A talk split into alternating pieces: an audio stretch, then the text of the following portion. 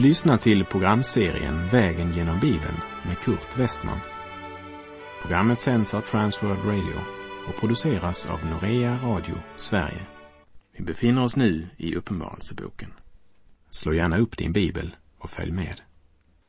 Vi befinner oss i kapitel 6 i Johannes uppenbarelsebok och har sett det trovärdiga och sanna vittnet han som är värdig att öppna bokrullens sigill, öppna de fem första sigillen. Och när det femte sigillet öppnades såg Johannes under altaret deras själar som hade blivit slaktade för Guds ords skull och för det vittnesbörd som de hade. Och de undrade hur länge det skulle dröja innan Herren skulle utkräva martyrernas blod från fiendens hand. Men innan Gud besvarade deras fråga så gav han dem en vit klädnad. Och efter att de blivit iklädda den så blev de uppmanade att vara stilla ännu en liten tid.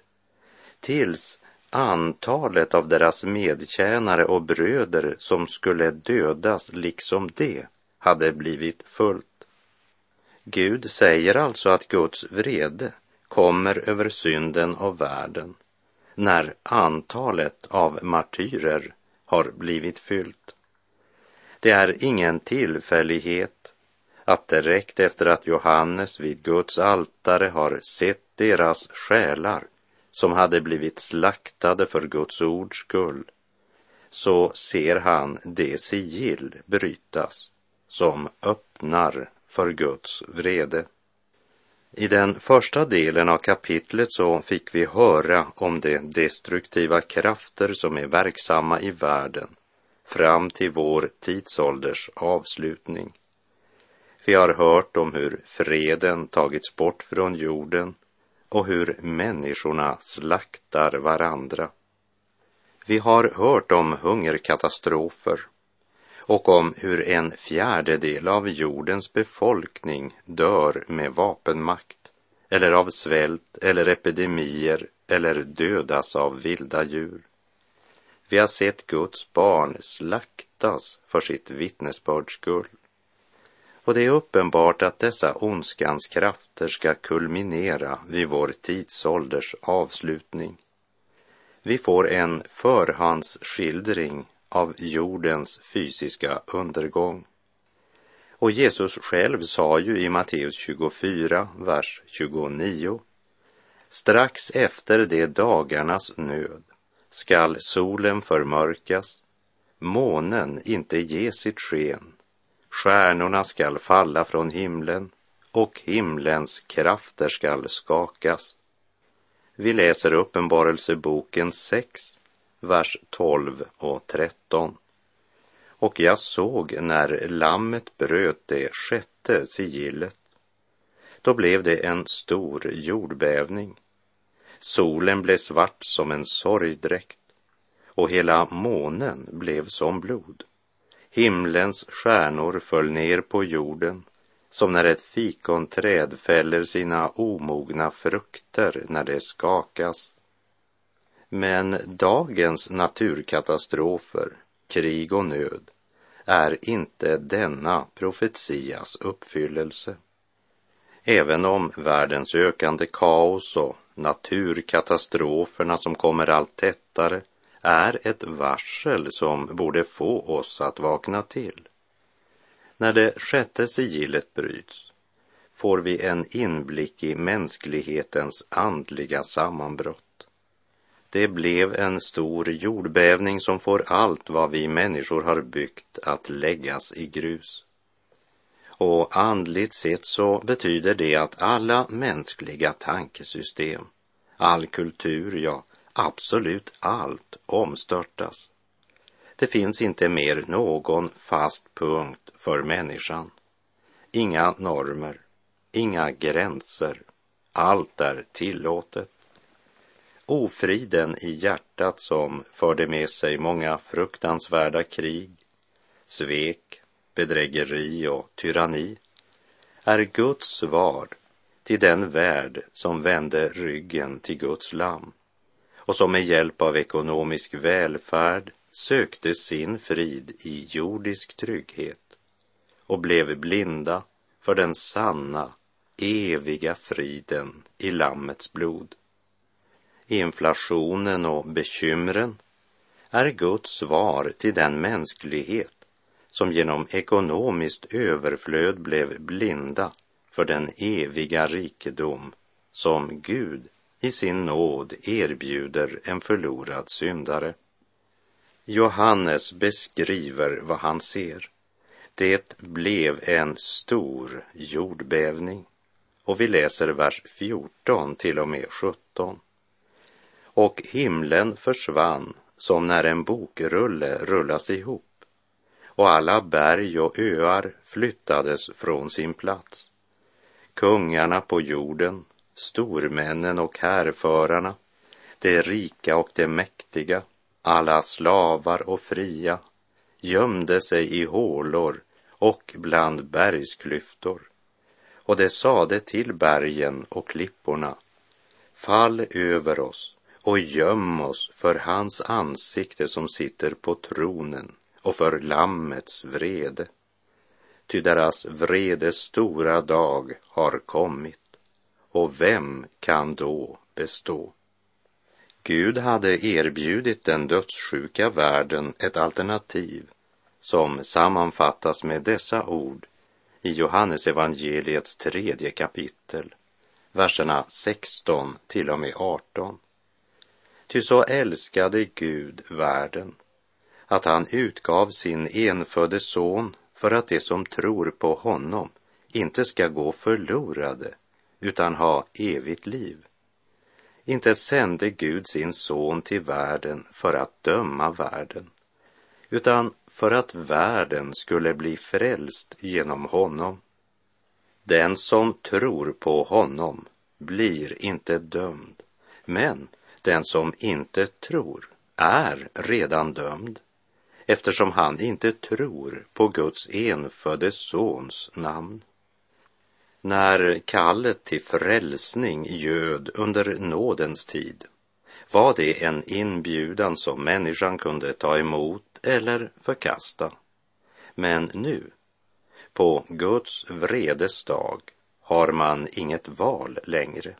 Nu måste man möta honom och möta Guds vrede. Den vars synder inte blivit försonade genom Lammets blod står under Guds vrede. Och nu blir den ogudaktiga mänskligheten konfronterad med Guds vrede. Och allt man genom hela livet hade gömt sig bakom har nu lagts i grus. Alla ursäkter brinner som torr halm. Varje liten mur och vart gömställe är jämnat med marken. Man har inte längre något att gömma sig bak, ingen plats man kan fly till. David ger en profetisk beskrivelse av detta i den 139 saltarsalmen, verserna 7 till och med 12. Vart skall jag gå undan din ande? Vart skall jag fly för ditt ansikte? Om jag far upp till himlen så är du där. Om jag bäddar åt mig i dödsriket så är du där. Om jag tar morgonrodnadens vingar, om jag gör mig en boning ytterst i havet, så skall också där din hand leda mig din högra hand fatta mig. Om jag säger, låt mörkret falla över mig, så skall natten vara ljus omkring mig. Själva mörkret är inte mörkt för dig. Natten skall lysa som dagen och mörkret skall vara som ljuset. Och Herren låter Johannes se helt fram till det ögonblick då den orättfärdige syndaren slutligen skall möta Guds vrede. Genom ditt hårda och obotfärdiga hjärta samlar du på dig vrede till vredens dag när Guds rättfärdiga dom uppenbaras. skriver Paulus i Romarbrevet 2, vers 5. Och nu gäller frågan dig och mig. Hur är det med dig idag? Lever du i syndernas förlåtelse, i helgelse och Guds fruktan?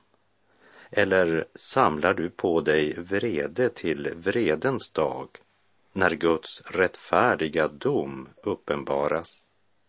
Förkastar du Gud och väljer synden? Hör då vad Guds ord säger om ditt framtidsperspektiv. Kungarna på jorden, stormännen och härförarna, de rika och de mäktiga, alla slavar och fria, gömde sig i hålor och bland bergsklyftor. Och de sade till bergen och klipporna, fall över oss och göm oss för hans ansikte som sitter på tronen och för Lammets vrede. Ty deras stora vredes dag har kommit och vem kan då bestå?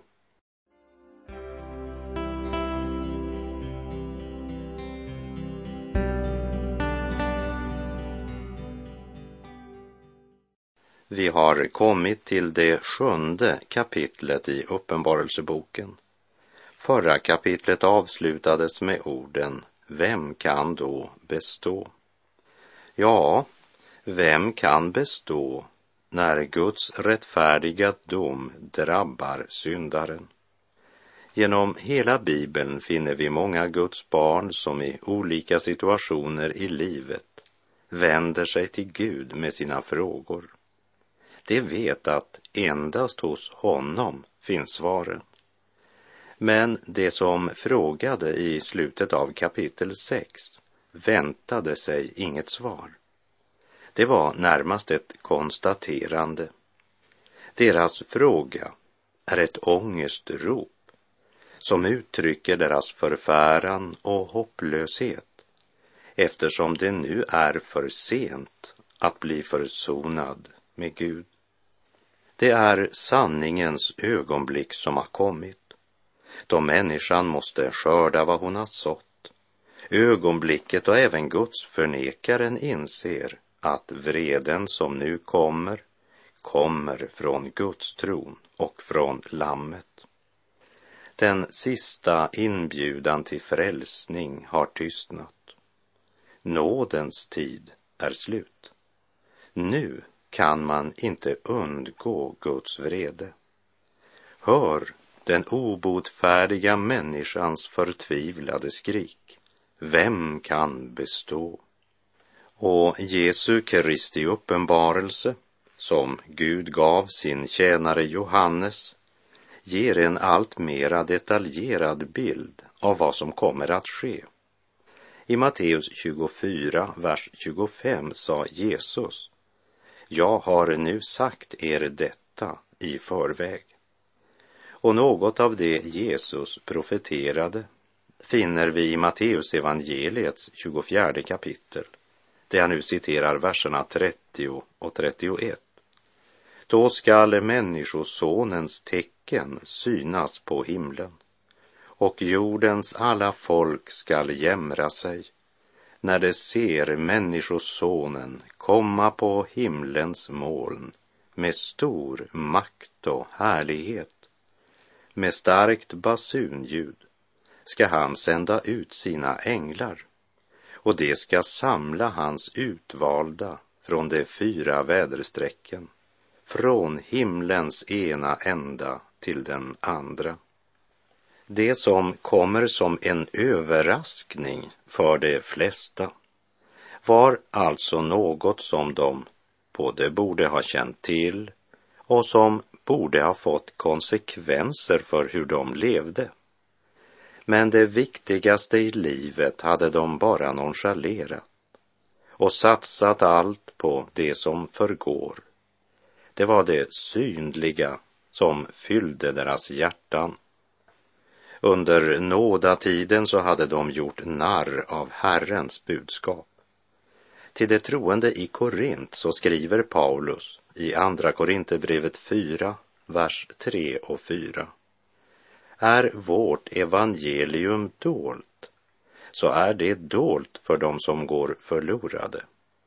Ty den här tidsålderns Gud har förblindat de otroendes sinnen så att de inte ser ljuset som strålar ut från evangeliet om Kristi härlighet, han som är Guds avbild.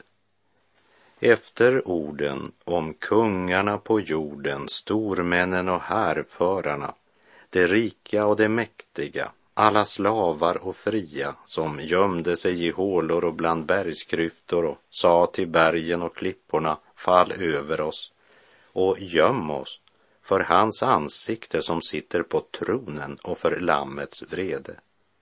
Ty deras vredes stora dag har kommit, och vem kan då bestå? Efter de orden så skulle man nästan vänta att lammet skulle bryta det sjunde sigillet.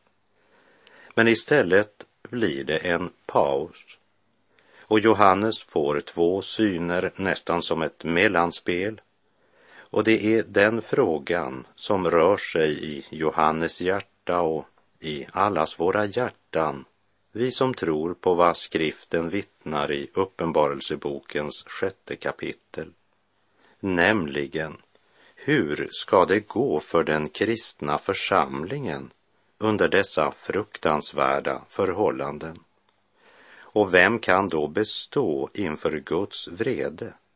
när han dömer synden och orättfärdigheten. Och så kommer synen Johannes ser och som vi återfinner i början av kapitel 7 som ett svar, som Guds tröst och Guds eviga löfte till allt Guds folk som måste gå genom så mycket lidande under antikristdiktatorvälde. I kapitel 6 så såg vi att församlingens situation i historien inte bara präglas av förförelse, ofrid, inflation, hungersnöd och epidemier, men också av det heligas blod, suckar, längtan, smärta och bön. Det var ju en i världens ögon ganska ynklig skara som vi såg vid foten av Guds altare i kapitel 6, vers 9 och 10. Det var utan ära i världen och vi såg inget som kunde tyda på att de tillhörde den allsmäktige som till sist ska regera över världen. Det såg närmast ut som om Gud hade glömt sina barn. Och när vi vandrade genom breven till de sju församlingarna så såg vi hur svag församlingen var inför det yttre och det synliga. Hur lätt de kan trösta sig till de rådande omständigheter om de är gynnsamma och hur lätt de ängslas och förtvivlas över situationen när den framstår som hopplös i mänskliga ögon. Men det vi framför allt ska komma ihåg från breven till de sju församlingarna det var att deras seger var beroende av att de åt åter fokuserade blicken på Guds ord och på vad anden sa till församlingarna och inte på vad de yttre omständigheterna tyckte säga.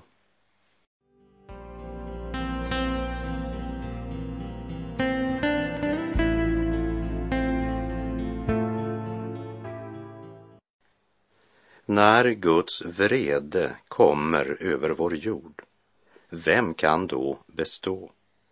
Vi läser Uppenbarelseboken 7, verserna 1 till och med 5.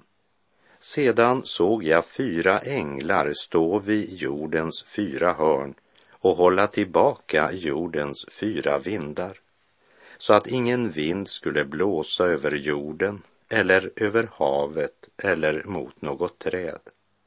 Och jag såg också en annan ängel med den levande gudens sigill stiga upp från öster. Han ropade med hög röst till de fyra änglarna som hade fått makt att skada jorden och havet.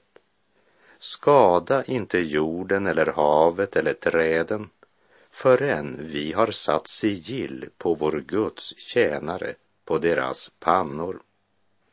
Och jag hörde antalet av dem som var försedda med sigill, 144 000 ur Israels alla stammar. Sedan följer en uppräkning av var stam för sig. När det talas om att inte skada jorden eller havet eller träden så är det inte den miljöförstöring som vi människor påför jorden som stoppas. Utan här talas det om den ödeläggelse som kommer som ett resultat av att Guds vrede utgjuts. Innan det sker sätter Herren sitt sigill på alla dem som tillhör honom. De tolv stammarna talar om hela Israel. Och talet tolv gånger tolv eller tolv gånger tolv tusen, det vill säga 144 000, är liksom många av talen i Uppenbarelseboken ett symboliskt tal vars fulla betydelse endast Herren känner. Och mycket tyder på att även det andliga Israel är inräknade här.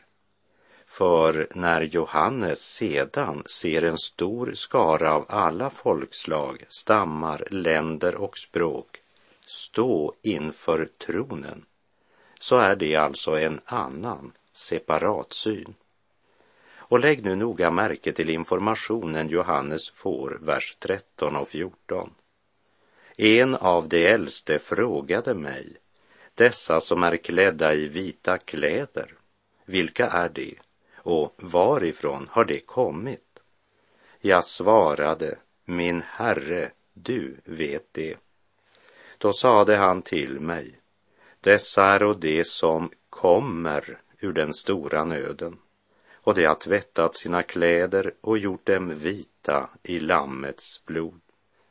Det står inte, dessa är de som har kommit ur den stora bedrövelsen, utan det står i framtidsform, som kommer. Det Johannes ser i denna syn har alltså ännu inte skett. Det handlar om vad Anden säger till församlingarna. Johannes får se in i den verklighet som är ett fullbordat faktum när slutsignalen har ljudit och striden är ändad. Detta budskap är en viktig och avgörande tröst för Guds barn under den nöd och de prövningar som de måste gå igenom under Antikrist diktatorvälde, när många måste ge sitt liv och blod för sin tro och bekännelse av Kristus. Men långfredagen är inte det sista i ett gudsbarns liv. För det kommer en uppståndelsens morgon i seger, glädje och evig frid. Men innan den segern bryter fram i all sin härlighet måste Lammets brud genom skärtorsdagens ångest och långfredagens smärta. Men allt detta i vissheten om att den som dör i tron på Kristus ska leva även om han dör. Vi läser Uppenbarelseboken 7, vers 13 till och med 17. En av de äldste frågade mig, dessa som är och klädda i vita kläder, vilka är de och varifrån har de kommit? Jag svarade, min herre, du vet det. Då sade han till mig, dessa är det som kommer ur den stora nöden och de har tvättat sina kläder och gjort dem vita i Lammets blod. Därför står det inför Guds tron och tjänar honom dag och natt i hans tempel. Och han som sitter på tronen skall slå upp sitt tabernakel över dem. Det skall aldrig mer hungra eller törsta. Inte heller skall solen eller någon annan hetta träffa dem. Ty lammet som står mitt för tronen skall vara deras herde och leda dem till livets vattenkällor. Och Gud ska torka bort alla tårar från deras ögon. Och redan här på jord kan ett Guds barn få en försmak av denna gudomliga, fullkomliga glädje, frid och visshet. När vi, mitt i denna världens lidanden, blir vidrörda av Gud och av Anden får uppenbarat vad frälsningen i Kristus verkligen är. När vi i Anden anar vad som väntar Guds barn vid målet. Det har jag själv fått erfara många gånger. När jag fick komma till Gud med det tyngsta och svåraste, ja, med den djupaste och största smärta. När förtvivlan berövade mig modet och oron tyngde mitt sinne och jag kände det som om jag inte orkade leva längre, som om jag skulle krossas. Men så fort jag kom in under Andens röst och Herren lyfte mig upp över världens oro, smärta och fruktan och in i den himmelska världens salighet och glädje där alla tårar är torkade. Då föll min själ till ro mitt i denna världens stormar. Vilken trygghet i fadershanden i den stormiga, blåsiga natt, att vara förankrad med banden som sitt fäste vid Golgata satt. Vilken trygghet i Faders handen i den kalla och blåsiga natt att vara förankrad med banden som sitt fäste vid Golgata satt. Vilken trygghet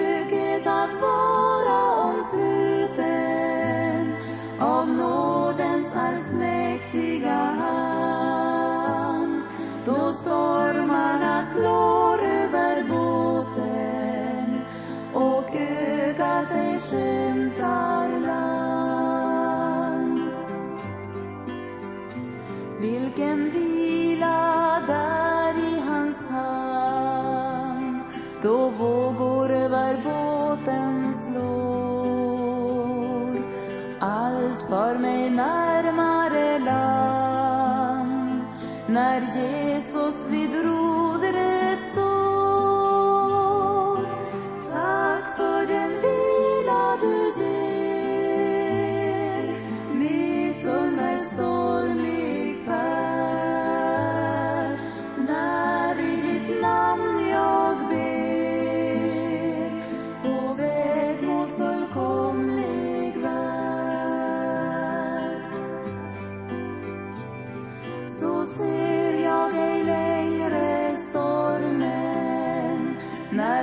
jag ser hans löftes ord. Det har